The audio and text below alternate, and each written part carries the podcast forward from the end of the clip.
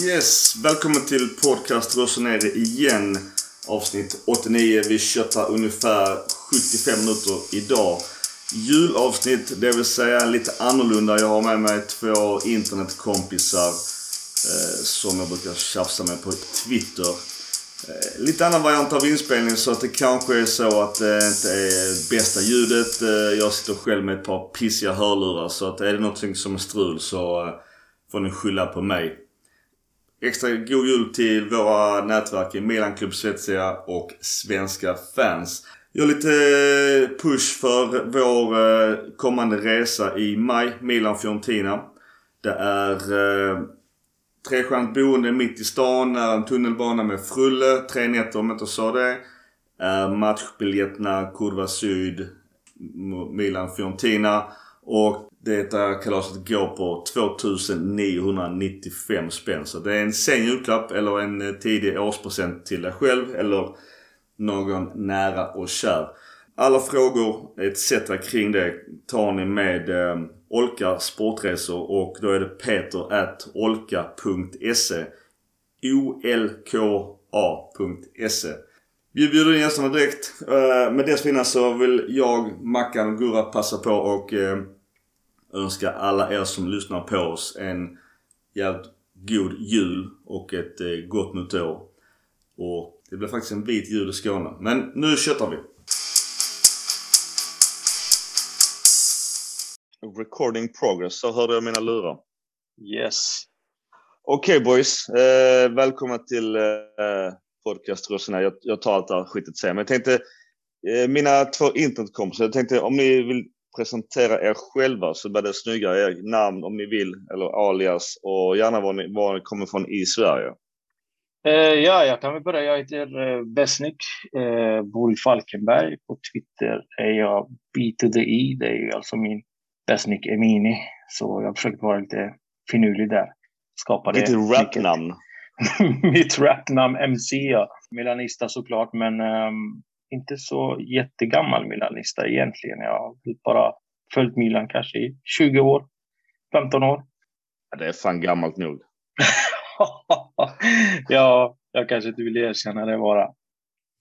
Har man sett Shevchenko spela Milan, då är man, då är man gammal milanista. Gammal nog i alla fall. Åh herregud, Shevchenko, som man saknar honom. Usch ja, usch ja. Och vem har vi med med oss? Uh, jag heter Liban och är från Stockholm. Uh, varit milanista i, uh, oj, sen 95, så det är väl en 26-27 år. Man brukar se mig Andiamo. Och jag ja, heter, det.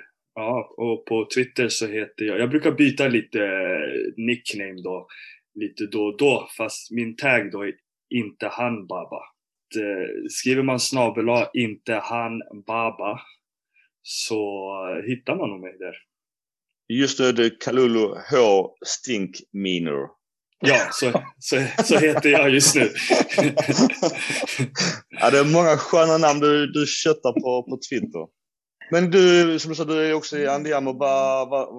Hur representerar du Milan där? Ja, men det är så att vi, vi går igenom, eh, programmet syns ungefär en gång i veckan på Dobb-TV. Och då går vi igenom omgången som har varit. Så att eh, om Milan har vunnit så brukar jag ofta sitta där glad. Och eh, om Milan har förlorat eller tappat poäng så ska jag sitta där och försöka förklara varför det blev, eller varför det gick som det gick. Men hur, hur lack får du vara? Är det, är så lite munkavel att nej men fan du får inte svära, du får inte säga rövhål och etc. Och du får inte säga dummarna kattskit sånt här eller får du prata fritt? Eh, jag tror faktiskt att jag får eh, prata fritt. Eh, jag tror att det hade varit ganska kul ifall jag liksom drog ut i svängarna och kallade den ena för det ena och den andra för det andra. Fast eh, jag måste nog lite stila mig också och sen är det väl eh, det är en ny bekantskapskrets, de som sitter i Andiamo. Det, det, är inte lika avslappnat och lika liksom kravlöst som när jag sitter med mina kompisar där jag bara kan förklara, vi var skit helt enkelt och det var därför vi förlorade. Punkt slut. Då är det skönt att ni boys är just här, för här kan ni kötta och ta ut svängen hur jävla mycket ni vill. Som man säger nere i Skåne, släpp sargen. det, det låter jättebra. Men du boys, jag tänkte vi, vi har kört, eh, eller jag har lagt upp ett schema för oss på ett ungefär och då är det hit and shit. Vi kör då hela truppjävlen och sen var möget eller positivt, hur man nu ser det. Det har varit mycket, ganska skit för oss. Och sen lite tabelläge, topp fyra och sen åsikt såklart om vårt eh, fysioteam och sen så kanske några julklappar i slutet. Men jag tänkte om vi, eh, vi bara hoppar rätt in i det, hit and shit och vi börjar bakifrån. Målvakter, Mike blev skadad. Vad har, vi, vad har ni att säga om målvaktssituationen och hur det blev eller hur det är? Eh, jag skulle nog säga att målvaktssituationen ändå föll ut väl eh, i och med att eh, Donnarumma lämnade oss och eh, vi fick en ersättare som vi faktiskt kanske inte hade så mycket koll på. Men vi visste att han var fransk ligamästare så det var i alla fall en viss kvalitet vi kanske förväntade oss. Det tycker jag att eh, det, det har gått bra liksom. Jag tror inte många har saknat Donnarumma. Och det vi gjorde var när Mike Mignan blev skadad så saknade vi honom och ingen annan. Så det, det är ett väldigt eh, bra tecken skulle jag säga. Mm, jag håller med faktiskt. Jag, jag kom på mig själv igår eh, under matchens gång att jag tänkte att jag saknar faktiskt inte Donnarumma. Att det känns som att det är så avlägset. Det är så långt bort. Men det är ändå knappt ett år sedan eller vad det är. Manjan har ju verkligen fyllt den här platsen och gett oss skäl att börja tro, i alla fall slippa tänka på, på målvaktspositionen. Så att jag är verkligen nöjd med hur, hur de löste målvaktspositionen och så snabbt och så smidigt. Sen så gick han ju och skadade sig och det var väl mindre ja, har bara så, måste hoppa in Vi försöker inte prata om Donnarumma i vår podcast annars, men hur skönt är det inte att han sitter på bänken i Paris idag? Ja, det... det, det, ja, alltså jag ska inte sticka under stolen med att jag, jag njuter när han gör det. Det känns ju som att de även har interna problem med Kelo Navas. Det, det njuter man ju eh, precis lika mycket som, som man inte njuter av att Hakan gör så bra ifrån sig. Men, ja, usch, den är jobbig. ja, den, den är tuff. Men, ja, mycket. Men det är alltså, grejen är så här att man vill ju inte vara så direkt skadeglad och så gällande Donnarumma, i alla fall så jag känner. Men samtidigt så vill man ju inte också att, eh, alltså det sägs att han lämnade Milan för att gå och spela för en bättre klubb för att eh, utvecklas ännu mer. Och det kan vara ganska skönt att se att eh, det, alltså det, det steget inte är så enkelt som bara byta klubb. Och eh, jag hoppas att det liksom skickar ut signaler till de andra i laget att eh, ja, man kan faktiskt riskera sin, sin framtid eh, även om man lämnar oss. Liksom. True. Eh, men Bessic, kör du vidare på målvaktstankarna där? När han gick och skadade sig och det var dags för Tatarusano att komma in. man var ju nervös. Det var man ju. Och, men det gick ändå bra så här med facit i hand jag kom också på mig själv att tänka igår att Manjan kanske, han är ju en underbar målvakt, men sen skadan, antingen har han inte varit sig lik eller så har det att göra med att Kjär inte är där.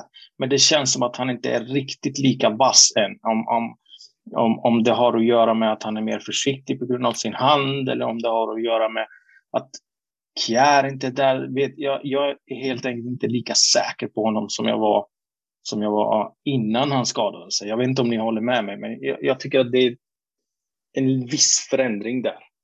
Ja, så länge inte han möter eh, Suarez, det var väl han som trampade sönder hans hand. Så jag vet inte, jag, jag, det känns ändå som att han är en tuffing, alltså det är en tuff kille.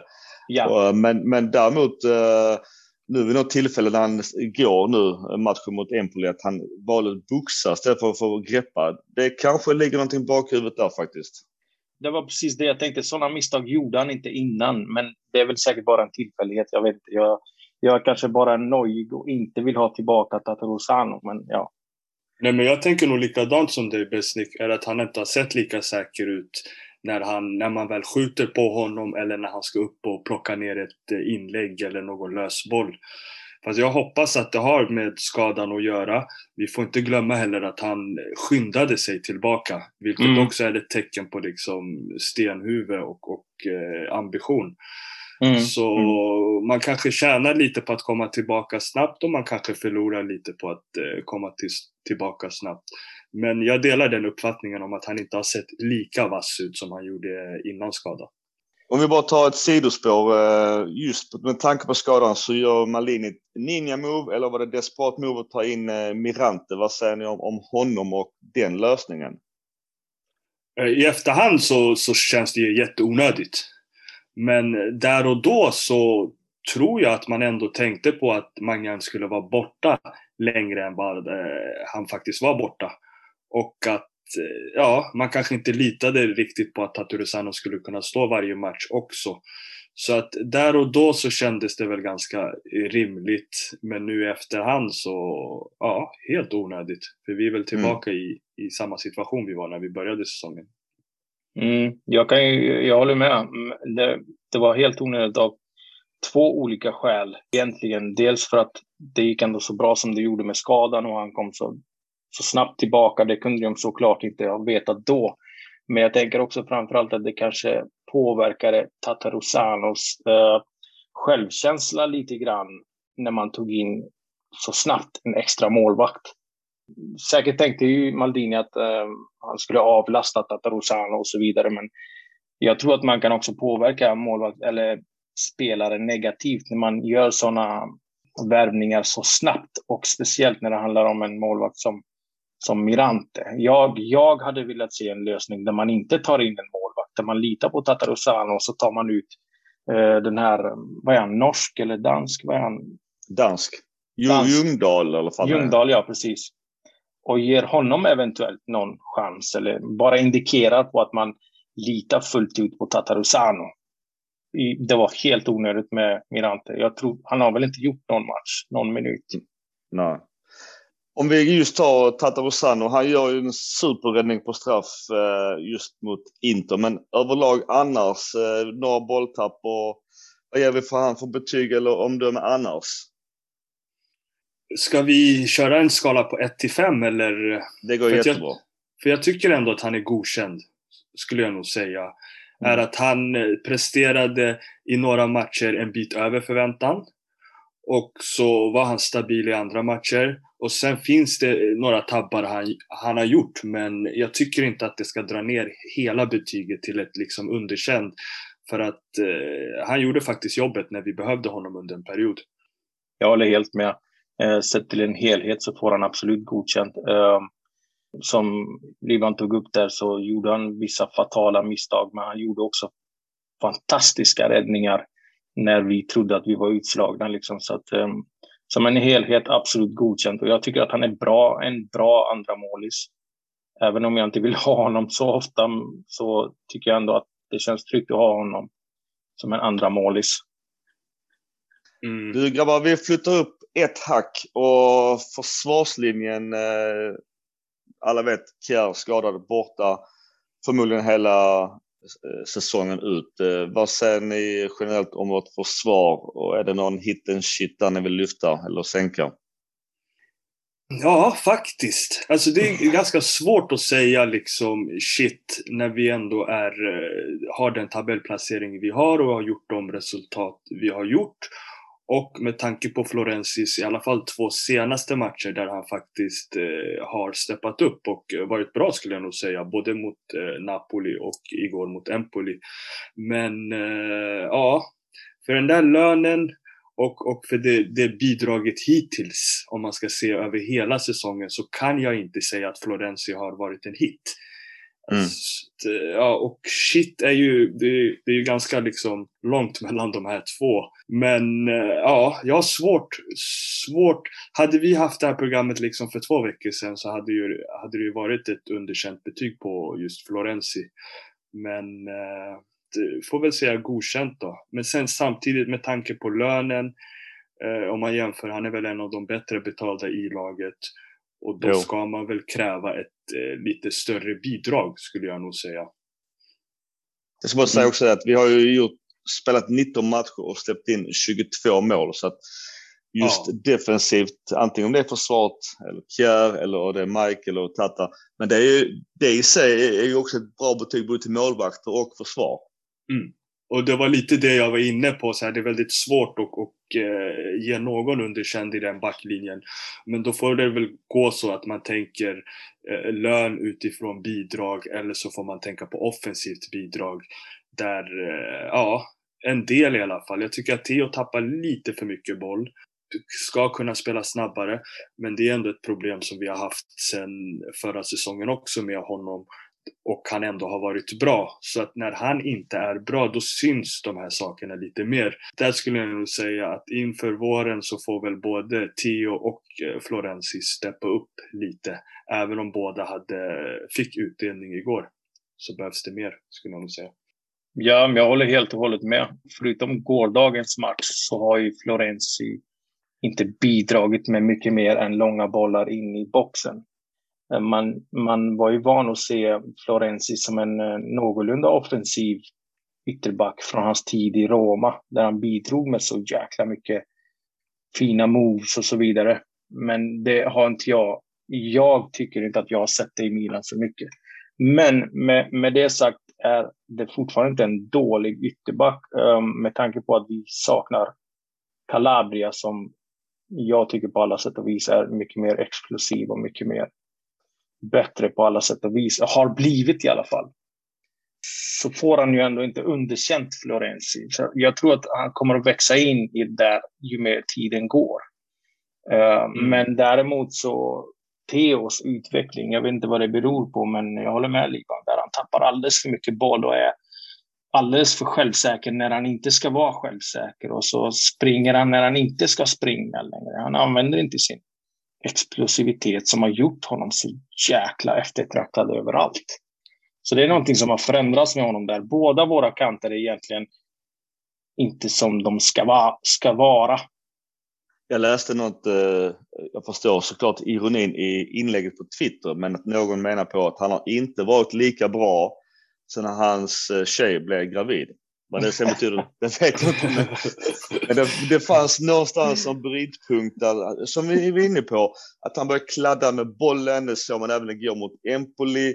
Och mm. han filmar mer än vanligt och stannar upp, gör svåra beslut. Eh, det är inte det han ska göra. Han ska ju vara den här Serginho som är Concorden på vänsterkanten. Det är det och det är därför han har åkt med i franska landslaget och det är det som också gjort han till en spelare som, är, som nämns bland de bästa på sin position det här kladda med bollen, dribbla, det är inte hans grej. Utan hans, det är bara Concord. Och det mm. tycker jag också, det har jag håller med, det har han lite tappat eh, på senare. Mm. Ja, ja, precis. Men man såg ju ändå lite grann igår och jag blev väldigt glad när jag liksom kom, kom på att jag tänkte för mig själv att okej, okay, nu ser vi den gamle Theo lite grann.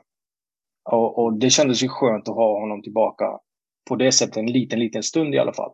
Jag vet inte om det berodde på att han hade Salemakers där som är så jäkla rörlig på den sidan mm. och kanske hjälpt till att skapa lite mer ytor åt honom för att han ska kunna springa. Men jag tyckte ändå att igår, eh, från minut 26 och uppåt, så, så började han ändå spela lite grann som, han, som, han, eh, som vi är vana med att se honom. Men fortfarande är han eh, inte i närheten där han ska vara. Liksom. Han är alldeles för slarvig med bollen och vågar inte springa av någon konstig anledning. Jag vet inte riktigt jag vet inte riktigt vad jag ska säga om honom, men han är inte sig själv helt enkelt. Och det är riktigt tråkigt. Det märks ju på vårt spel. Mm. Så, så otroligt mycket. Men jag tror du är inne på någonting Besnik där, är att det är nog en stor skillnad för honom att spela med, till, med eh, exempelvis Rebic eller Salemakers eller Leao. Så att han får ju, med de två förstnämnda då, Salemakers och Rebic, så får han ju ändå så defensiv hjälp och uppbackning och kan faktiskt vara lite mer lös lös i sina tyglar liksom. Mm. Eh, det kan ha varit så att när han har spelat med Liao så har vi fått väldigt mycket av Liao. Väldigt mycket offensivt, väldigt mycket ta, ner, ta in bollen i sista tredjedelen. Men vi kanske har, för, alltså Tio då kanske förlorat den här defensiva tryggheten som han ändå har med Rebic. Och det kan vara det som har fått, eh, ja, att det är mm. kanske det som har gjort så att hans misstag har varit mer kostsamma och flera om man får säga så. Ja, men precis, precis. Med, med Leao och, eh, eller jag menar med Rebic och Salemakers så verkar det som att de delar på ansvaret ja. att både försvara och anfalla, medan med Leao så har de delat på sig rakt av. Att Theo sköter defensiven, Leao sköter offensiven. Mm. Och det funkar inte riktigt lika bra, tycker jag. Nej, jag håller med. Grabbar, om vi flyttar in ett hack. Eh, mitt backar nu. Som sagt, vad tror ni, eller vad har ni sett är den stora skillnaden mellan Kjär, Tomori och eh, kapten Romagnoli och Tomori? Jag, jag, kan väl börja med att säga att vi saknar Kjär väldigt mycket. Det är väl Varför? den stora, stora shiten. Uh, men han är en general. Han är ju han är ju så jäkla rutinerad. Vi, vi har ju saknat en sån. Vi trodde ju att vi tog in en sån när Bonucci kom in. Jag, minns, jag vet inte om ni minns det, men min känsla var i alla fall sån att när Bonucci kom in så får man in en general som har koll på läget och är stensäker i sin, i sin position. Det fick vi inte förrän Kjär kom, tycker jag i alla fall. Jag tycker att han är viktig på grund av det. Sen är han ju väldigt duktig i sin positionering. Han, han har ett jävla anamma. Han, även om han inte är snabbaste så är han ändå den smartaste av mittbackarna. Med det sagt så vill jag också ge mycket shit till Romagnoli. Vi romantiserar ju honom väldigt mycket. Romagnoli betyder ju väldigt mycket för oss milanister eftersom han värvades så ung, han var talang, han var ju en av Italiens stora mittbackstalanger. Men jag skulle vilja ge honom väldigt mycket shit för att han har ändå spelat för Milan ett x antal år, varit kapten. Visserligen har skador och fuckat upp det lite grann för honom, men han har ju inte utvecklats jag skulle inte vilja påstå att Romagnoli är bättre än Kjär. Jag sticker ut med det och säger det rakt ut att jag tycker inte att han är bättre än Kjär och jag tycker att vi borde ha förväntat oss, eller vi har förväntat oss mycket mer av Romagnoli, men han har inte levererat. Jag tycker inte att han är värd den lönen som han får. Absolut inte. Eh, jag är beredd att hålla med på, på vissa punkter. Eh, jag tror att Romagnoli har en lön på liksom över 5-6 miljoner euro just nu. Och den är han absolut inte värd. Jag tycker inte heller att han är en bättre försvarsspelare än eh, Kär. Men jag tycker faktiskt att han ändå har levererat den här säsongen. Och jag håller med om att han inte har vuxit. Men liksom där han är nu och befinner sig tycker jag ändå är en nivå för att kunna spela i Milan resten av säsongen och bli en del av truppen längre fram. Men då måste man korrigera saker och ting som lön, saker och ting som gjuten startplats. Eh, mm. Uh, ja, för att det gör ju så mycket. Alltså jag tycker att uh, när Tomori spelar tillsammans med Kjär, då har han vänster innebacksposition. Och det gör mer för Tios liksom, utgångspunkt på, utgångsposition på planen. Jag mm. skulle säga att både Kär och Tomori är bättre för vårt lag. Men att samtidigt att Romagnoli ändå håller en hög nivå. Och skulle det inte vara för den där matchen mot Sassuolo, tänker jag, så skulle vi inte ha ganska mycket att peka på egentligen den här säsongen. Förutom att det ser bättre ut med Kär och Tomori, vilket det också gör.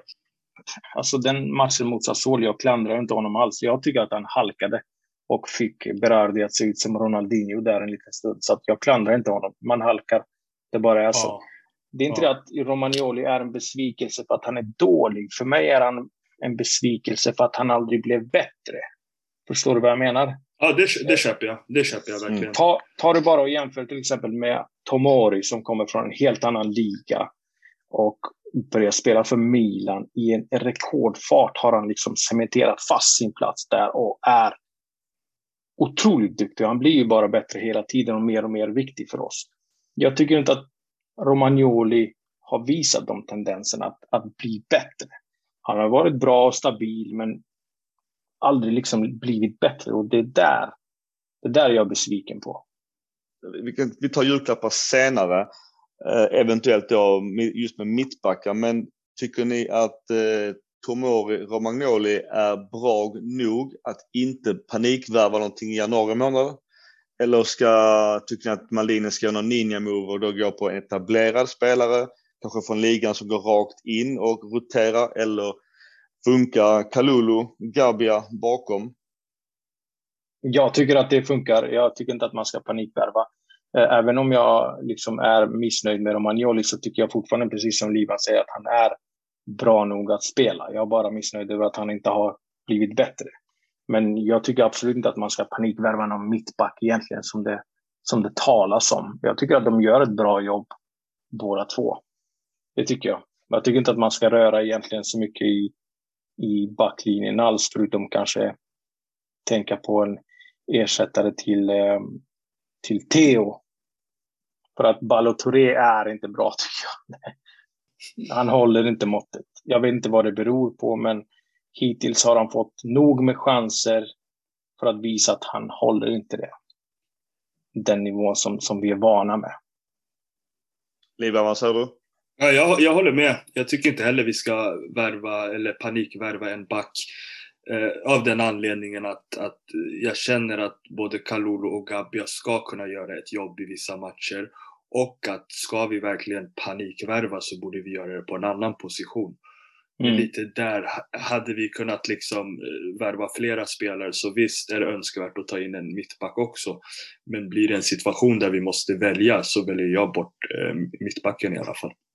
Jag tänkte just eh, måste också nämna som annars är kapten när Romagnoli spelar. Han har varit skadad ganska länge. Ofta kanske underskattad eller bespottad. Vad, vad har ni att säga om hans insatser eh, denna säsongen? Eh, Calabria är kung. Alltså frågar man mig så är det nästa kapten. Jag tycker han är en av de bästa eh, ytterbackarna i ligan. Och att han har, en, han har väldigt många så underskattade egenskaper som vi har förlorat. Som till exempel att ta in bollen i, i tredje sista delen där jag känner att eh, Kalulu och, och Florenzi, när de väljer utsidan så går Calabria på insidan. Och det har vi saknat. Och sen också så hittar han Zlatan mycket fler gånger än vad både Kalulu och Florenzi har gjort den här säsongen.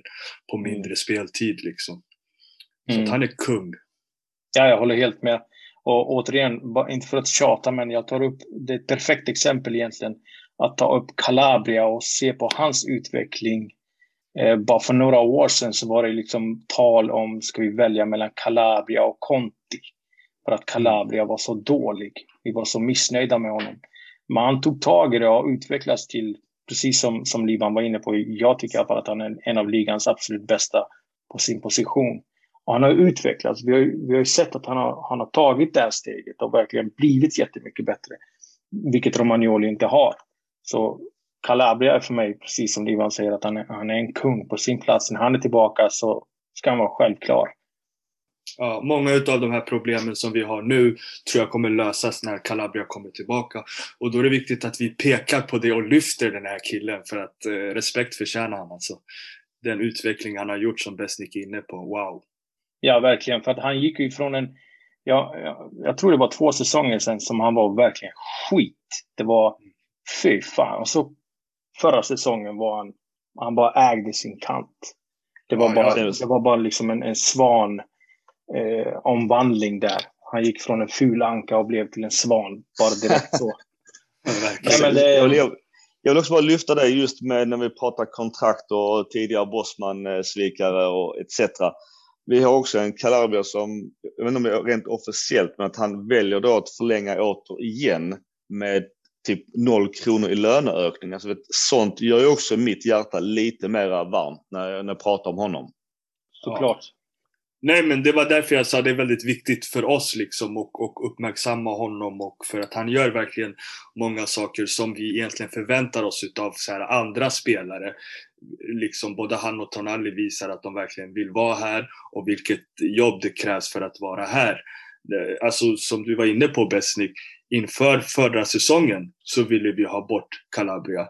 En mm. ytterback var ju högst på vår lista. Vi tittade på Tomiyasu, vi tittade på Aurier i Tottenham och vi tittade mm. på, på fler spelare. Och att det inte blev någon utav dem var lite som en besvikelse när man gick in i förra säsongen redan. Så att, eh, att gå från liksom vi behöver spelare och att vi inte är riktigt nöjda med den positionen till att vi hela tiden saknar Calabria när han är borta. Det, det, det måste lyftas mer liksom, alltså, tycker jag.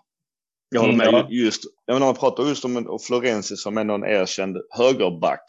Och nu ser man också skillnaden mellan just faktiskt Florenzi och Calabria är ju ganska stor. Visst, det kanske finns andra bakomliggande faktorer kring Florenzi. Men om man gör en snabb, enkel jämförelse, kanske orättvist, men där tycker jag Calabria gör mycket mer effekt utifrån sin position. Och vet, två mål och en assist. Det har, ja, nu gjorde ju Florenzi mål igår faktiskt, men annars har ju inte han haft en närheten av eh, några offensiva poäng. Nej.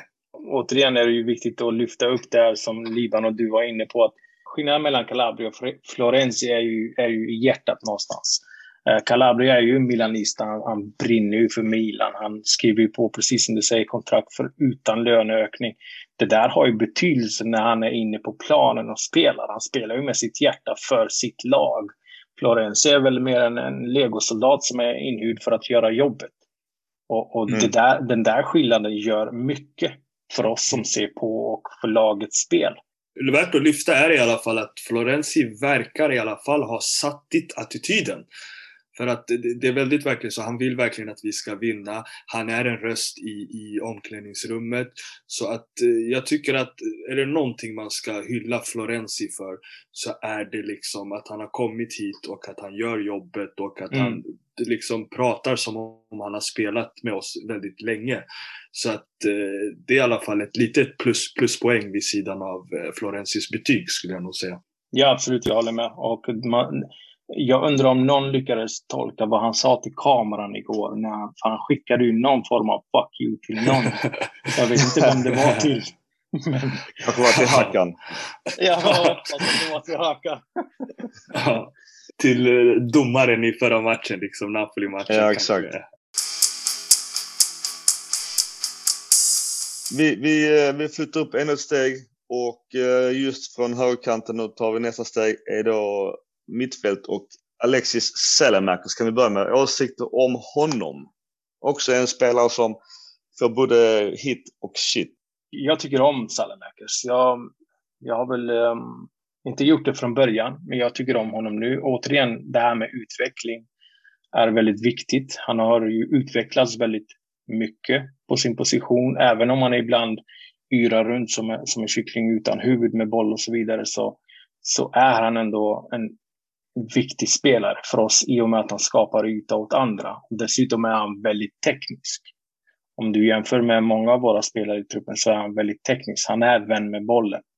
Det är bara ibland så vet han inte riktigt var han ska passa den eller om han ska skjuta den. Men jag tror att det finns väldigt mycket talang i honom.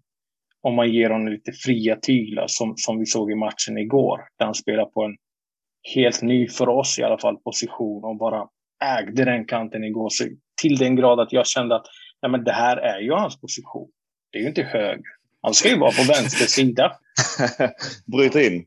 Ja, men här är ju förklaringen. Han har ju spelat på fel position, känner det, jag kan inte klaga på Salamakis på något sätt. Vi köpte honom väldigt billigt. Han har inte mycket i lön. Han, han gör jobbet. Han är ingen världsspelare. Men jag skulle vilja säga att han är ingen världsspelare än. Jag tror att han mm förmodligen har ambitionen att bli det och, och även potentialen om man bara coachas rätt. Eh, jag håller med. Alltså, Saremäkers har en eh, mentalitet som är värd att behålla i vårt lag och som faktiskt har gjort oss bättre. Eh, han tränar hårt, det finns väldigt stor utvecklingspotential hos honom. Det är väl att han eh, måste bli bättre på att värdera sina lägen, skjuta mer, bli faktiskt lite mer självisk måste han bli. Men jag har sett tendenser på det den här säsongen måste jag mm. nog säga. Och han har varit ute och pratat om att han måste göra mer mål och mer assist. Så att det är en kille med självinsikt och en kille som kommer jobba hårt för att nå det målet. Ja, ingen skam ska ligga över Salamakers det, det är ganska synd att, att han inte har bättre spelare att konkurrera med på sin position. För det, trodde jag hade, det tror jag hade gjort honom bättre. tror jag. Så att, eh, klart godkänt eh, mm. för Sälemakers. Alltså annars just eh, är ju högeryttern eller höger defensiv kanten. Nu, nu, spelar Milan på ett annorlunda sätt men i alla fall hans position är ju också den som är ifrågasatt och kanske inte just för att han gör dåliga insatser utan ja, det är väl kanske för lite poäng offensivt. Men tycker ni att vi, nu ska inte prata panikvärvning, men är det där vi ska lägga massa pengar på högerytan? Eller ska vi låta Selemakers utvecklas till den här spelaren han kanske kan bli? Matchen igår visar oss lite vart vi behöver lägga våra eh, pengar och det skulle jag säga är antingen på en central anfallare eller en offensiv mittfältare. För Kessie fick gå in där och spela igår. Visst gjorde han det bra, men det, det, visar ju också på att vi inte har många ersättare för just den positionen. Sen tycker jag att Pellegri har ju blivit en riktig flopp. Och där skulle jag önskat att man satsade på kanske en anfallare som hade mer eh, löp i sig liksom än vad Giroud och Zlatan har. Jag tror det heter versatil Jag tror det. Ja, ja. En väldigt rörlig Mm. anfallare, typ Lautaro. Men, Osimhen liksom. Osimhen. ja. Men i alla fall en, en anfallare som är trygg med att göra mål från marken. Så att det inte tvingar oss att chansa med inlägg in som vi gör med Giroud, som vi gör med Zlatan. Det, Ja. det tycker jag att man ska göra när man ligger under och tar in en lång, lång anfallare för att liksom få in ett mål, antingen för att vinna eller kvittera. Men Mm. i vårt huvudspel när vi ska spela, återigen så har vi tagit upp det, men när Zlatan var borta, Giroud var borta, men Leao och, och Rebic var inne. Vårt spel, vårt flöde i spelet var ju så fantastiskt. Vi blev ju hyllade trots, trots deras liksom att de var borta. Så blev vi hyllade för att vi spelade så fint spel på marken. Det var väldigt få inlägg Mm. och väldigt fint flyt. Och jag skulle vilja se en sånt spel hela tiden. Och, och då måste vi ha en, en anfallare som är väldigt versatil, som är rörlig, som, som tvingar oss att spela på marken. För där är vi mycket, mycket bättre än vad vi är på att spela på luften. Även om vi har spelare som Giroud och Zlatan. Det, jag tycker Mm. att det hämmar vårt spel så otroligt mycket. Så att en anfallare som är snabb och rörlig är prio, tycker jag. Då tolkar jag att, att vi inte ska lägga alla pengar på högerytor utan vi ger Salamakers fortsatt chansen. Jag, Ja. jag håller med i Livan som sa förut. Jag tycker inte att vi ska mixtra alldeles för mycket med högerkanten. Vi har alternativ där. Vi har Salemakers, vi har Messias, vi har även, ifall det skulle riktigt krisa sig, så har vi även Florenzi som kan spela högerytter. Vi, jag tror att vi klarar resten av säsongen. I så fall så borde det prioriteras senare under sommarfönstret. Om man vill röra om i grytan där. Men jag, jag tycker att det vore en eh, dum chansning att göra det nu under januari. För att jag tycker att vi är covered där. Även om Mm. det inte är bra så är vi covered. Vi klarar oss där. Ja, jag skulle nog säga samma sak. Det som vi får med en eh, central anfallare är ju inte bara att, att vårt eh, offensiva spel blir mycket rörligare och på större ytor. Men också så får vi ett defensivt eh, spel som jag känner att vi saknar med Zlatan och Giroud. Och det är det här pressspelet. Att, den första, att den första anfallaren pressar och kan uppehålla en backlinje. För det är väldigt många eh, eh, försvarare nu, nu i Serie A som har haft det ganska enkelt med att få bort Zlatan ur matchbilden. Eller, och, och det känner jag att vi behöver ändra på. Men sen är det ju så att Rebic kommer ju tillbaka, eh, Leao kommer ju tillbaka och det här är ju spelare som kan användas på den positionen. Och därför tror jag att vi inte kommer gå för någon central anfallare. Men eh, ja, någonting behöver vi i offensiv väg skulle jag nog säga. Mer än vad vi behöver liksom en back eller en målvakt eller en defensiv mittfältare till exempel. Men om vi tar just eh, offensiv mittfältare, för där har ju Diaz, han började ju säsongen skitbra, skapade väldigt mycket poäng etc. Till senaste fem matcherna helt dala. Vad säger du om hans insats och just den rollen just som en AMC i Milan och eh, tankar kring eventuellt framtiden för honom och det lånekontraktet? Det är ju lite tråkigt där som har hänt med Diaz. Återigen, vi, vi pratade lite grann om det här innan vi började spela in. Att spelare kan bli påverkade så mycket beroende på hur mycket press de har på sig. Och känslan är att Brahim Diaz är väldigt känslig för press, yttre press från antingen spelare eller tränare. Kanske jag är fördomsfull, men det känns verkligen som att det är någonting mentalt som blockerar honom från att, från att komma tillbaks där han var. För spelare kommer ju såklart att ha dippar. Det är ju ingen spelare som är på toppnivå hela, hela tiden. Men det känns som att eh, Diaz dipp är på grund av någonting som är mentalt. Liksom.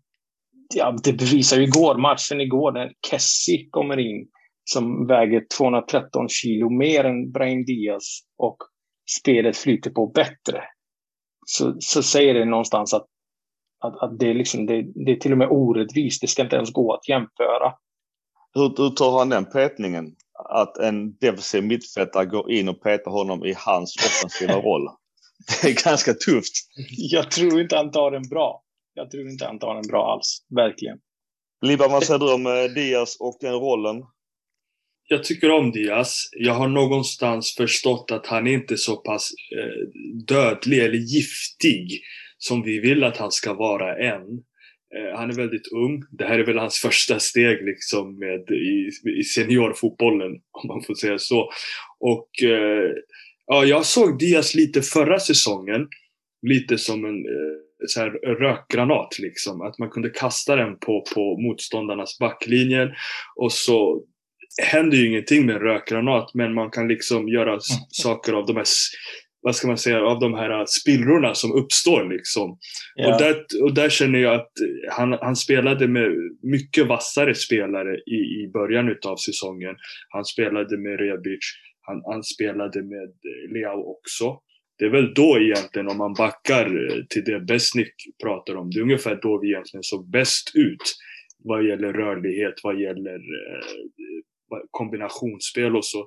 Så att jag tror att Diaz fortfarande kommer vara nyttig, otroligt mm. nyttig under våren. Men att vi inte ska förvänta oss så mycket utav honom än, tänker jag. Och att det påverkar självklart eh, hans betyg. Eh, om vi tittar på hans lön så tjänar han ungefär sex gånger mindre än vad Hakan skulle ha tjänat för oss. Och eh, tittar man då liksom på Hakans förra bidrag och Dias nuvarande bidrag så kan man ändå säga att Diaz har varit godkänd sett utifrån liksom förutsättningarna mm. och så. Det är synd att vi inte hittade en spelare som kunde liksom konkurrera både med honom och med Salamakers. För det var ju liksom målet vi gick in med i, inför den här säsongen. Vi ska mm. hitta en offensiv mittfältare och vi ska hitta en högerytter och båda de här spelarna ska ha mål och assist i sig. Så ifall mm. vi hade haft de här två spelarna med mål och assist i sig, då tror jag att vi hade tittat på Diaz med ganska rimliga, alltså med rimliga ögon hade vi tittat på hans bidrag. Men nu är det så att vi kräver mer. Men samtidigt tänker jag, det kan bli svårt för honom att kanske ge oss mer. För att det, han är inte där än liksom i styrka, han inte, utan han får liksom plocka upp de här lösa bollarna. Så att eh, nyttig kan han bli, men någon liksom mm. att hänga, hänga hopp på ska vi inte göra, tycker jag. Nej, men det kanske kommer ut eh, lite snett att jag inte gillar Diaz på något sätt, men det, det är ju inte alls så. Jag gillar ju, jag, vi har ju alla sett hur mycket boll Diaz, hur mycket kvalitet Diaz ja. har i sig. Så det är inget snack om den saken. Jag bara, jag bara menar liksom att han är förmodligen fortfarande lite för ung och lite för, för känslig för, för press kanske. Och jag kan tänka mig att Zlatan förmodligen sätter en väldigt hög press på honom. Jag tror att anledningen till att jag säger att jag gillar det är för att jag någonstans har trott och tänkt att han har en stark mentalitet, att han verkligen vill vara i Milan, att han vill göra det bra. Men att också att, jag tror till exempel att han inte tog den där petningen igår så illa. För att jag tror att han känns som en, liksom en gruppspelare som inte flyr en uppgift. Men sen har han kanske inte alla verktyg att, att kunna sköta alla uppgifter. Men både han och Sälemäkis känner jag att de, de går inte och gömmer sig under matcher. Så att även om de typ liksom springer in i samma vägg hela tiden så finns det någonting där att ta ut, tänker jag. Ja, absolut. De har ju otroligt mycket utvecklingspotential. Bara, bara Dias utveckling från de här två säsongerna som vi har haft honom är ju enorm, även om man har sina dippar. Mm. Men den är ju enorm ändå. De är så jävla unga båda två så att det, ja. det finns ju så mycket potential i dem. Du boys, vi bryter av eh, med en ja och nej-fråga eh, utan eh, någon större motivation. Och då är då Bakayoko. Vill ni att vi köper loss honom från lånet? Ja eller nej? Nej. Ska vi, ska vi säga det i kör eller Besnik? Vad tycker du? ja, det kan vi faktiskt. Det kan vi faktiskt gärna göra. ja, det, det, känns som han har kommit helt fel in i denna sessionen av Milan. Men jag tänkte en annan, hans då eventuellt ersättare då för Kessie, beror på vad som händer där. Vad säger vi om Kessie och vad tror ni om Kessies situation? Eh, gör han som de andra två och lämnar som en liten orm, Bosman, i sommar? Då kanske måste man skeppa en i januari eller skriver han på vad är era gissningar? Eh, jag sätter på mig dumstruten direkt och säger jag tror att han stannar. På grund av? Eh, det är bara en känsla jag har. Sen får, sen får liksom han bevisa mig fel, tänker jag. Och alltså jag, jag tänker så här. Han har ett kontrakt att skriva nu med Milan man får inte fler chanser. Man skriver ganska långa kontrakt och så förhandlar man dem fram en gång. Så jag tror faktiskt att han vill ha bra betalt. Tror jag, tillsammans med hans agent eller något sånt. Får se. Alltså jag, det är därför jag säger dumstruten är för att jag vill övertala mig själv och tro på det här. För att han själv egentligen har sagt att han håller sina ord. Så att då säger jag okej, okay, då ger jag dig liksom ja, den goda gärningen och tro på dig. Sen får vi se liksom. Det är ett större svek egentligen om han nu skulle lämna. Som du säger Liban, att han har ju sagt att han ska stanna efter OS, att de skulle fixa det ena och det andra. Och jag håller också med att detta är ju hans chans att skriva ett, ett lukrativt eh, kontrakt under kanske x antal år. Eh, sen så kan det bli lite så lex Donnarumma, sitta på bänken kanske, det vet man inte, inte för jag tror det kanske. Men Wijnaldum då som gick till Paris, han har ju inte fallit helt väl in i den eh, rollen i det laget. Så att, eh, jag tror nog som de gamla rävarna säger Milan, allt från Cedorf till jag kommer inte ihåg vem det var som pratade just om Kiss, att, att han borde stanna av många andra värden också. För jag menar, pengar kommer han ju få av Milan. Det är inte så att Milan ger honom brödsmulor. Mm. Och sen och samtidigt är det så här, ska han gå till Inter? Vi säger, vi leker med tanken, okej, okay, Kess vill inte stanna i Milan, han vill gå till Inter. Då går han inte till Inter för pengarnas skull. Då, då går han till Inter liksom för att han vill vara där borta och då tänker jag att vi ska liksom bränna upp allt han äger tänkte jag säga. Men, ja, men det är typ så. Men alltså jag känner att Inter kommer inte kunna erbjuda honom de här åtta miljoner, de här sju, de här nio som det har ryktats om i tidningarna där skriver de nya kontrakt ju för 4,5 miljoner, 5 miljoner. Så att jag känner att vi har nog lagt ett sånt erbjudande redan på Kessis bord, tror jag nog. Jag är livrädd för Kessis-situationen och jag är livrädd enbart för att mm, Marotta är, han är en orm, han är ett, alltså lika bra som, uh, som Mino Raiola är på sitt jobb så är Marotta bra på sitt jobb och förmodligen bättre. Det känns någonstans, eller så är det bara den konspiratoriska sidan av mig som känner att Kessie har förmodligen redan ett kontrakt klart med Inter. Och jag är livrädd för det, för jag måste i så fall bara stänga av min Twitter och stänga av all, all möjlig sociala medier så att jag inte ska kunna bevittna det. För att det är ju en riktigt bra spelare.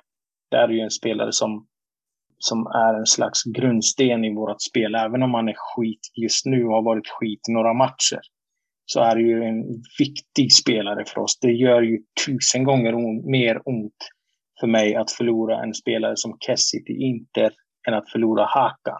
Oavsett hur mycket tur han har i sitt spel nu. Så, Ja, så att jag känner någonstans att Marotta har förmodligen gjort färdigt ett kontrakt med Kessie för länge sedan. Och han är förmodligen på väg till Inter, men jag har för mig att han är en interista också från, från början. Det har väl cirkulerat runt lite bilder med Intertröjan och... Ja, men han har väl alla tröjor. Han har han är själv sagt att han är själv sagt att han håller på United. Det har han sagt. Ja. Nej, men, men precis som Livan var inne på, går han till Inter så är det inte för pengarnas skull, utan då är det för någonting annat. Och det, det måste man ju ändå någonstans respektera, men det kommer att göra ont och jag kommer att muta allt som har med Inter att göra på alla mina sociala medier, bara så att jag inte ska se honom. Ja, mina polare menar på att Morata då just håller på att försöka lisa, free-leasa eh, Vidal och Sanchez. Då börjar man också spekulera, är det för att frigöra lön? Eh, sen hoppas jag inte att han har liksom kontaktat Kessie innan, för då är det ett regelbrott och då ska ju inte åka så in i helvete för det. det han får ju liksom inte kontakta honom förrän egentligen första januari. Ja, men det har han. Det har han alldeles säkert. Det är det som är så äckligt och fult tycker jag med det här systemet med agenter. Att agenter kan ju fortfarande ha kontakt med olika direktörer utan något regelverk som säger att de inte får det. Mm. Eh, det är spelarna själva som inte får ha den kontakten. Om jag inte minns fel. Rätta mig gärna om jag har fel. Men mm. oavsett så, tro, oavsett så tror jag inte någon av direktörerna bryr sig så nämnvärt om, om, om den regeln. Utan jag tror att de är, så speciellt Marotta, han är, han är en orm, han är ju bra på det han gör. Bossman deals är ju han grej, hans grej liksom. Om Kessie går till Inter, då är han fan en halv människa alltså tänker jag på en gång. Ja, alltså Max. helt, Max. Ja, helt, helt ärligt, alltså jag kunde faktiskt förvänta mig det här utav Hakan. Jag tror inte Donnarumma hade gått dit. Alltså, någonstans får man väl också liksom lägga ansvaret på spelarna. Och agenterna. Och agenterna. Och det är så att eh, Hakan kanske inte hade jättemånga val eller något sånt. Men det finns väldigt många spelare i vårt lag som inte hade gått till Inter på grund utav en principsak. Mm. Och jag hoppas att Kessie tillhör de människorna alltså. För att Hakan kan ju, alltså Hakan skrev ju på tre olika kontrakt en gång i tiden i Tyskland liksom. Och så vart han avstängd från fotbollen och det är lite så han hamnade hos oss. Ja, just det. Ja. Är det inte intressant också att Hakan kom till oss avstängd. Men mm. det var ingen som liksom du vet när man pratar om Diaz så vill motståndarfans alltid så undra, ja men är Diaz, är han värd eran tia? Är han värd eran tia? Är han värd nummer tio? Egentligen där skiter jag i liksom, att han, han såg numret och det var ledigt. Men varför ställde man inte de här frågorna tidigt? Alltså tidigare, mm. när Hakan kom. För att hans, hans bakgrund var ju inte en Milan-tia, liksom på det sättet. Och eh, sen hans bidrag var inte heller så liksom, ja, trekvartista-aktigt. Så att eh, hade det varit samma personer som lyfte rösterna, typ Hakan, så hade jag köpt det när man lyfte Diaz. Men det känns som att man bara liksom vill åt liksom våra, hittar man, ser man en svag punkt i vårt lag så vill man åt det liksom och börja ställa frågor. Eh, man säger att spelare lämnar oss gratis och att vi inte kan skriva kontrakt med liksom Donnarumma, Kessie, Hakan att vi förlorar våra bästa spelare. Men man missar liksom att vi har ju liksom förlorat alla som kom samtidigt där. Mm. Till antingen inga pengar eller till verkligen småkronor, liksom jordnötter. Och då borde man kanske tänka, är det någonting med de kontrakten som skrevs där 2016, 2017? Är det någonting med de kontrakten som det var fel på? Vilket det har varit. Alltså mm. jag känner att Theo, Benazer och Diaz och alla vi köper nu har ju kunnat spela fotboll hos oss för under liksom två miljoner euro i lön. Och så har man ganska många, Conti, Caldara, Kessi, ja de är Castillejo. Det är väldigt många som har tjänat dubbla pengarna egentligen i Milan. Ja, mm. Trots mm. att de kanske inte hade fog för att få de pengarna. Utan det var bara så saftiga löner. Så det är väldigt svårt för Maldini då att kunna omförhandla löner som han själv inte ens har satt. Och det tycker jag att många missar i den här. Alltså att ifall vi inte skriver ett nytt kontrakt med Kessie, då gör vi det för att vi anser att det inte är bra för oss. Helt ja. enkelt. Så är det, det tror jag, ja, det tror jag att många missar liksom. Nej men så är det ju. Så är det ju. I långa loppet är det ju, kommer det säkert att visa sig att det är ett bra beslut att inte skriva kontrakt med en Kessie som kräver enorma löner som inte vi kan ge. Eh, mm. Mirabelli var bra på att göra sådär och uh, det har kostat oss i efterhand väldigt mycket. Men mm. jag vill bara säga en grej till som också uh, lägger lite extra ved i elden i min konspiration om att Kessie är på väg till Inter. Hakan och Kessie är väldigt bra vänner. Och han, och han går bort en straff i derbys, mer eller mindre. Just det. Han bara följ efter här så ska du få en straff. Följ med Hakan. Så går vi in i straffområdet och så lägger jag mig där någonstans. Nej, men det skulle göra så jävla ont att förlora honom till Inter. Dra åt helvete. Ja, det hade varit... Ja, ja, ja. Men då lägger vi skulden på Kessie. Alltså det, jag har inga problem liksom att bara kalla honom det ena och det andra. Ja. Det, det, är ungefär samma sak med Hakan. Jag känner att många liksom vänder sig till oss och säger så hur fan kunde ni släppa Hakan till Inter?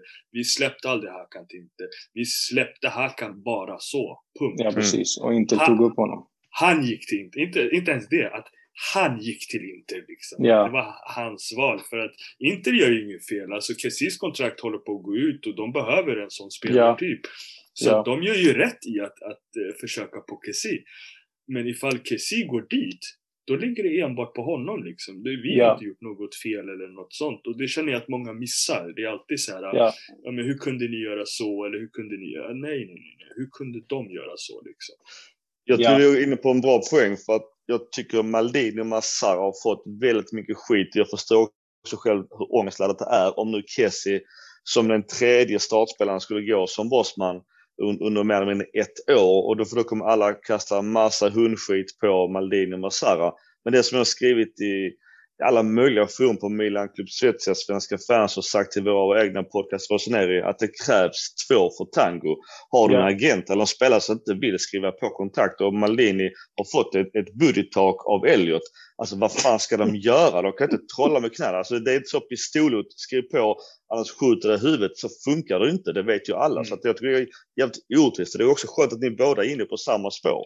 Det, det hindrar inte mig från att må dåligt av förlusten inom situationstecken. Nej, det är hemskt. Det är fruktansvärt. Eh, det är ju såklart hemskt, men eh, oavsett hur missnöjda vi är med Maldini, eller jag är inte det för övrigt, men jag har sett att det finns en viss tendens att man kan uttrycka missnöje mot de två, så är ju ändå Elliot väldigt nöjda. För att de, det är precis som du säger Mikael, att det är de som drar i de ekonomiska trådarna. Och om Maldini och Massara följer dem så gör de ju ett bra jobb. Jag tycker för övrigt att Maldini och Massara har gjort ett ypperligt, riktigt bra jävla jobb ända sedan de har börjat. Speciellt Maldini med tanke på hur ung han är i, i yrket.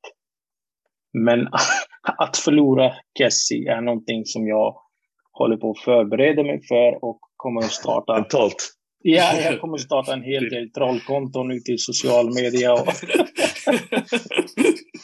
och Köpa psykofarmaka på Flashback någonstans börja göra oss förberedda på det. För att den, alltså, vi såg ju det här hända med Donnarumma. De här kontraktsförhandlingarna som aldrig blev av och så vidare och så vidare.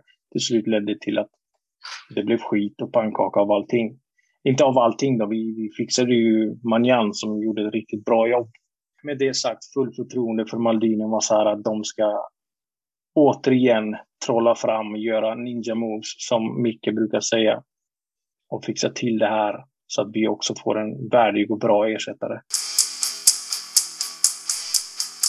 Du boys, vi, eh, vi hoppar ett steg till. Vi, har, vi kunde haft ett avsnitt på minst tre timmar. Jag, jag hörde direkt och det är gött snack. Men vi, vi hoppar några spel. Jag tänkte ta just Tonali och med fler. Men det får fan bli till, eh, till sommar. Får vi ta en, eh, en ny laddning av, av snack om Milan. Men jag tänkte vi hoppar upp till Zlatan Giroud jag vet inte om ni vill ha med Leao där eller inte. Och eh, Pellegri. Pellegri har vi redan, eh, han är ju redan utdömd så att han, vi, vi hoppar honom. Utan då, då, då tar vi, vi kan baka in Daniel Maldini, Zlatan och Giroud. Vad säger vi om vår anfallstrio? Det vi kan säga är att den ser bättre ut än eh, förra säsongen. Om det nu väger mycket. Men vi har ju både Giroud och Zlatan där så att det är i alla fall, vi är bra, alltså vi är bättre utrustade. Jag tycker att Giroud hade en väldigt bra början på säsongen. Där att han gjorde mål liksom i varje hemmamatch. Och det var lite som en kärlekshistoria mellan han och San Siro till en början där. Sen har tyvärr skadorna kommit. Och eh, samtidigt har det varit jätte, jättebra liksom att Zlatan har kunnat hålla sig eh, frisk. För att, eh, ja, vi pratar nog för lite om hur många liksom 90 minuters matcher han gjorde i, i rad där ett tag. Och eh, det båda väl gott inför våren tänker jag, att man verkligen kan lita på att Zlatan eh, kan följa upp liksom och spela 6-7 matcher i rad. Godkänt från båda två ändå. Jag vet inte hur många mål de står på var. Men... Zlatan har sju och Giroud har fyra om, om jag inte missminner mig. Zlatan gör mål var, var 101 minut. 101 minut. Ja, så han gör mål nästan var hundrade minut kan man säga. Ja, det är, det är jättestarkt. Alltså, det är sjukt det, bra. Ja, det är sjukt bra. Så att, ja, det är eh, sjukt bra. Och jag känner samtidigt är att jag känner två saker gällande Zlatan. Är att först och främst så har vi haft svårare att hitta honom på slutet. Och sen också att han han har inte samma instinkter på samma sätt. Alltså att mm. Jag har sett honom flera gånger där jag tänker skjut liksom. Och han bara letar pass. Så därför var det otroligt befriande igår att se Kessie ta ett avslut från den vinkeln. Och mm. bollen går faktiskt in i mål.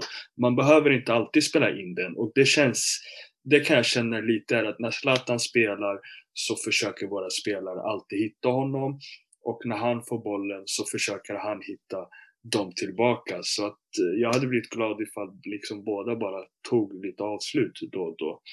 Så att eh, Zlatan väldigt stark, 100. Men han kanske skulle kunna ligga på 85 liksom. ja, faktiskt. Ja, ja, jag håller med dig. När Zlatan är på humör så är han ju, han är ju en av mina favoritspelare oavsett liksom, mm. svenska favoritspelare, absolut. Men även i Milan och i fotboll överlag.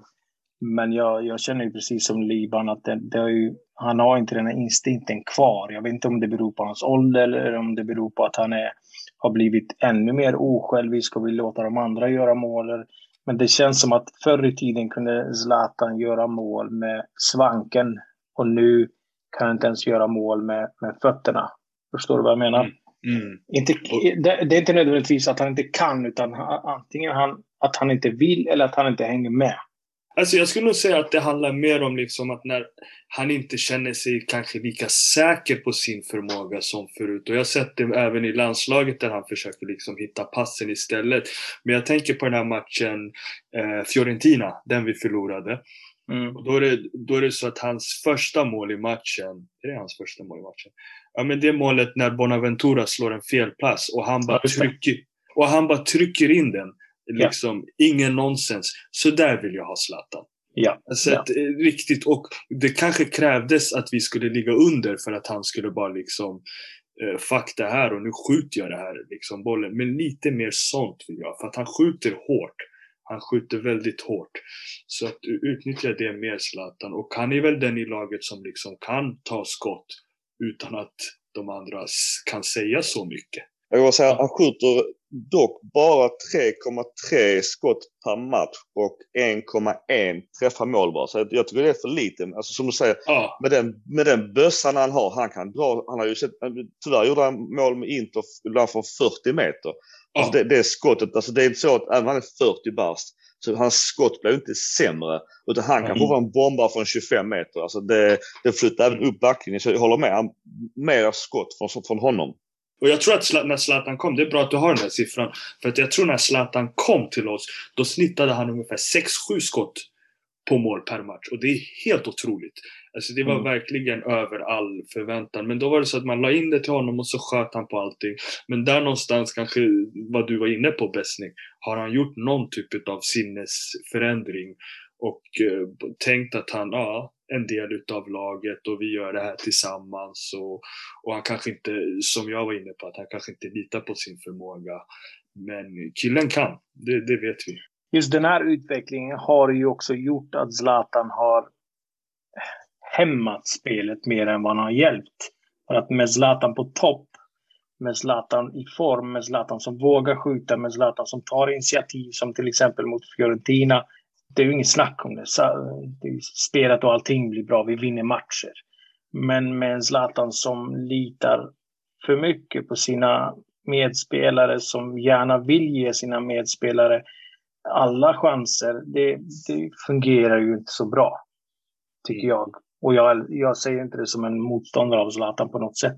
Utan den här utvecklingen som han har haft nu har hämmat spelet om vi tar gårdagens match eh, mot, Empoli så tycker jag att Giroud gjorde det bra. Även om han inte gjorde mål så sprang han, han satte press, han skapade ytor, han gjorde allting det där som Zlatan inte gör så mycket av eh, nu för tiden. Det, vilket är helt förståeligt. Han har ju blivit äldre och det, lite tyngre och lite, inte tjockare nödvändigtvis, utan tyngre av muskler. Mm. Och det blir ju svårare för honom. Men när han inte i tillägg till att inte springa och inte sätta press, i tillägg inte skjuta, då blir det bara en hem. Någonstans måste man ta beslutet som coach där att okej, okay, eh, Zlatan kanske ska sitta på bänken och hoppa in när vi behöver, mm. när vi behöver det här inläggsspelet och så vidare. Och låta vårt grundspel bygga på rörlighet och, och press och så vidare. Mm. Jag tycker också att spelarna visar lite av att när Giroud är på planen att de inte har samma respekt för Giroud som de har för Zlatan. Och ja. att de då själva går på avslut. Likt Kessie igår, likt Sardemäkis ett par gånger igår också. Att man verkligen försöker skjuta eh, mer på, på mål. Och istället mm. för att leta efter Giroud. Sen kommer det här ju självklart hämma Giroud eftersom han kanske inte får bollen i alla lägen. Men han verkar inte heller vara den där personen som, han verkar inte ha så stort ego, det tycker jag är bra.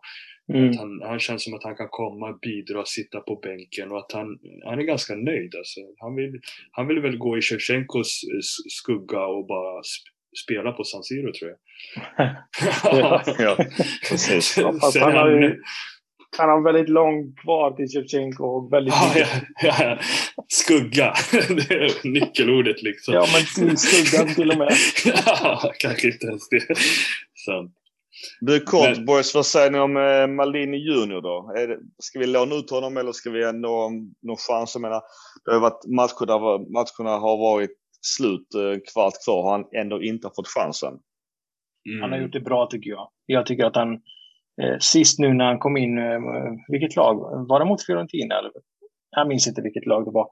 Men han kom in istället för Diaz tror jag. Och gav oss den här AMC'n som har tyngd i sig, som har snabbhet i sig.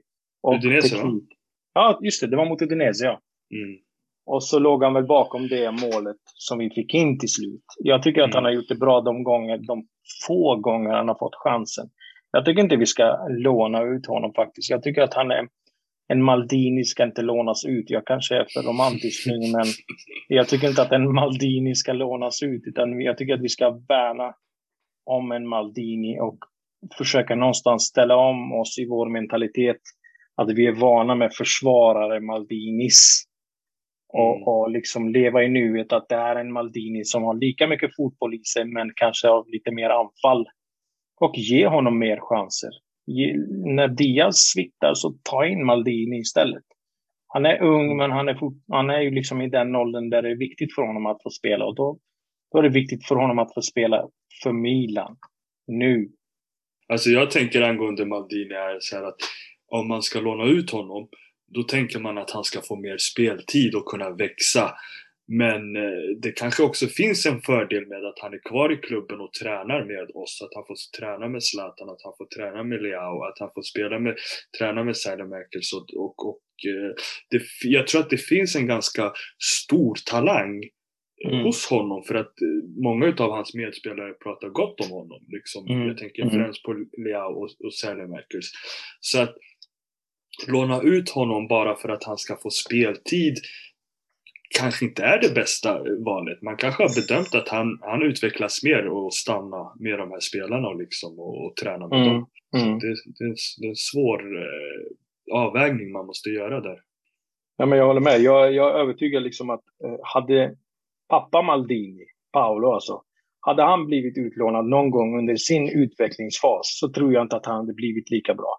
Bara för att han, han är Milan. Hans pappa var Milan och, och jag tror att det väger väldigt mycket. Om du har talang såklart, vilket, vilket Daniele verkar ha. Så jag tror att det väger mycket för honom att få vara kvar i Milan och växa in i Milan sakta men säkert. Han har ju gott om tid på sig. Vi Mm. behöver bara ge honom lite mer förtroende. Han ska också vara typ gubbe 18 eller gubbe 19 liksom i truppen. Eller ja, något sånt. Gubbe 20 till och med. Så att han kan väl vara kvar där, tänker jag. Du boys, jag tänkte jag, jag behöver tyvärr flytta fram eh, vårt spelschema så att jag hoppar in i eh, det för, faktiskt bli sista punkten. Vi har haft så jävla gött snack, eh, vilket eh, är det viktigaste. Så vi hoppar, jag hoppar över VAR. VAR har fuckat oss totalt så att eh, det, det- känns som vi är rätt överens om den. Tabelläget och snack fy, topp fyra, det, det kan vi ta kanske i sommar igen. Fysio skador vet jag alla att det är fucked just nu. Så jag hoppar över till våra önskelista, våra julklappar, realistiska julklappar, det vill säga januari, transfervärvningar. Vad, eh, vad säger ni om, om eh, önskemål och julklappar? Hårda, mjuka julklappar? Eh, jag skulle vilja se en uh, versatil forward, en rörlig forward, en ung snubbe. Den här brasilianaren eller argentinaren som det talas om. Alvarez tror jag han heter, va? Mm. Från River Plate. Är det ny Saviola kanske? Mm. Men han verkar väldigt lovande. Youtube får visserligen mig att se ut som en Serginho också, men, men eh, han verkar väldigt lovande och han verkar ha väldigt många klubbar efter sig. Så att en sån spelare skulle jag vilja ha in i vår trupp. Så ung som möjligt och så stor potential som möjligt redan nu i januari. Och mera? Någon annan? Eller annan position? Eller du får inte Eh, outa namn om du tar några namn utan någon, någon position där du, fan här måste du verkligen gå in. Antingen gå in och köra backup-lösning eller köpa potential eller gå in och bomba en eh, startman? Ja, mittfält, eh, Kessie och Benazer försvinner ju, så det måste vi ju lösa. Antingen genom att hämta eh, Adil eller lösa det genom att eh, köpa in Kamara till exempel. Men en fysisk mittfältare, en mittfältare och helst skulle jag egentligen vilja kontakta Kessies familj och kolla för han verkar ha otroliga gener gällande skador och så vidare. Så att någon i hans familj möjligtvis får in i mittfältet på något sätt. Men, nej, men en, en stark mittfältare helt enkelt som, som inte är skadebenägen. Skulle jag också vilja ha. Minst en stark. Mm. Liban, vad säger du allmänt om transferfönstret? Skriver nog under det Besnik sa precis. Jag vill också ha Julian Alvarez. Eh, det jag tycker är intressant med honom är att vi har faktiskt sökt honom tidigare och då var han högerytter för River Plate. Och sen har han under den här tiden då gått in och blivit en central anfallare som gör det riktigt bra också. Där känner jag att eh, vi skulle fått in ganska många spelare. Alltså vi skulle fått in en spelare som kan täcka ganska många positioner i offensiven. Och i och med att det är väldigt många klubbar på honom så tycker jag att vi borde faktiskt, vi borde faktiskt, det är dags att vinna en sån här spelare. Vinna, det betyder värva alltså. En, mm. en, sån spe, en sån spelare som, som många är på liksom. Jag vill se en liten kupp liksom. En transfer cup vill jag se. Sen är det väl mittfältet där Kamara är också ett favoritnamn som jag har. Jag kan nog inte se Milan värva honom nu med tanke på att han kan bli gratis om, om några månader och så som vi rullar så ser vi nog säkert pengar att spara. Mm. Det är mm. ganska synd och det, det, gör så att vi också då kommer få större konkurrens i sommar. Så jag hade önskat att vi liksom gick in där och, och värvade honom. Han har ju också, han har vi faktiskt också varit på, båda de här spelarna, Julian Alvarez var vi på när han var en högerytter och Babokar Kamara var vi på när han var mittback. Och nu är han en defensiv mittfältare. Så vi skulle kunna fått två spelare som kan spela på flera olika positioner. Det är väl de två. Och jag känner att båda två är ändå rätt så realistiska. Det är inte så att jag har sagt att vi ska köpa Mbappé eller någon liksom. Att de, de här två spelarna ska kunna gå och värva. Men sen är frågan ifall Milan gör det. Det är en annan femma. Men, ja, just, ja. just i, sommar, i sommar är det ju många spännande namn som har utgående kontrakt. Men bara en kort ja nej-fråga som också varit på tapeten. Nu just nu är han skadad, men det är just milanistan Andrea Belotti i Torino. Är det någonting ni skulle vilja se redan nu? Kanske eh, Pogba, eller ett eh, Pobega-byte, eller hur känner ni kring Belotti? Belotti är ju gratis. Det är så jag ser på honom. Hans kontrakt går ut så att vi ska väl, vi ska väl behålla Pobega. Men han hade ju varit intressant. Men sen har vi ju Zlatan och Giroud där och ja, jag skulle hellre vilja se liksom en, en, en, spelare med högre potential än så. För att jag känner att, att uh, Giroud och Zlatan kommer att vara kvar ett tag till. Och då kan mm. man passa på att få en lite yngre spelare som kan växa tillsammans med dem. Skulle vi till exempel hämta Belotti så känner jag att vi fortfarande har frågor kvar på, i anfallet. Liksom. Mm, nej, men jag håller med, jag håller med Liman. Och, eh, eventuellt skulle jag kunna tänka mig att hämta Belotti och Alvarez i så fall. För då, tänker vi, då täcker vi positionerna framöver för en nia och en nia som kan spela högerytter, uppenbarligen, som inte jag hade någon aning om överhuvudtaget. Men det gör det hela ännu mer eh, brådskande att försöka ro hem den här Alvarez-killen. Och Belotti, om han kommer gratis, kom, kommer han förmodligen inte ha så en jättehög lön ändå, eftersom han kommer från Torino. Men Belotti är ju aldrig fel. Belotti är ju, är ju en sån här rörlig anfallare som jag gärna vill ha. Han har ju det här jävla, jävla ranamma i sig. Jag tror att det skulle bli bra i slutändan, men han har också blivit så jäkla skadebenägen sista tiden, så det blir också en chansning. Boys, innan jag önskar god jul, bara kort ja nej-fråga som kanske lugnar våra lyssnare. Slutar Milan topp fyra även denna säsongen? Ja, ja, absolut. Yes, det gör vi. Det, det, det, man kan hälsa till Milanisti att vi, vi upprepar den inledning vi gjorde förra säsongen nu och man känner inte det för att förra gången vi var jätteglada, då var vi först. Liksom, och vi hade, vi hade alla, alla andra lag bakom oss.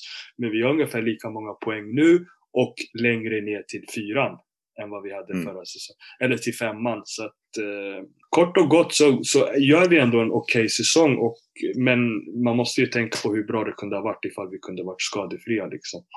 Sen måste man också ha i beaktning att de andra lagen som ligger före oss kommer förmodligen att uppleva lite mer skador ju, tiden, ju mer tiden Mm. går. Och de kommer att bli svagare samtidigt som vi kommer att bli starkare. Så det är Mm. båda bara gott. Och just nu är det bara Inter framför oss. Så att, eh, Ja, det var inte det jag menade. Okej. Ja, där vet man inte hur det blir.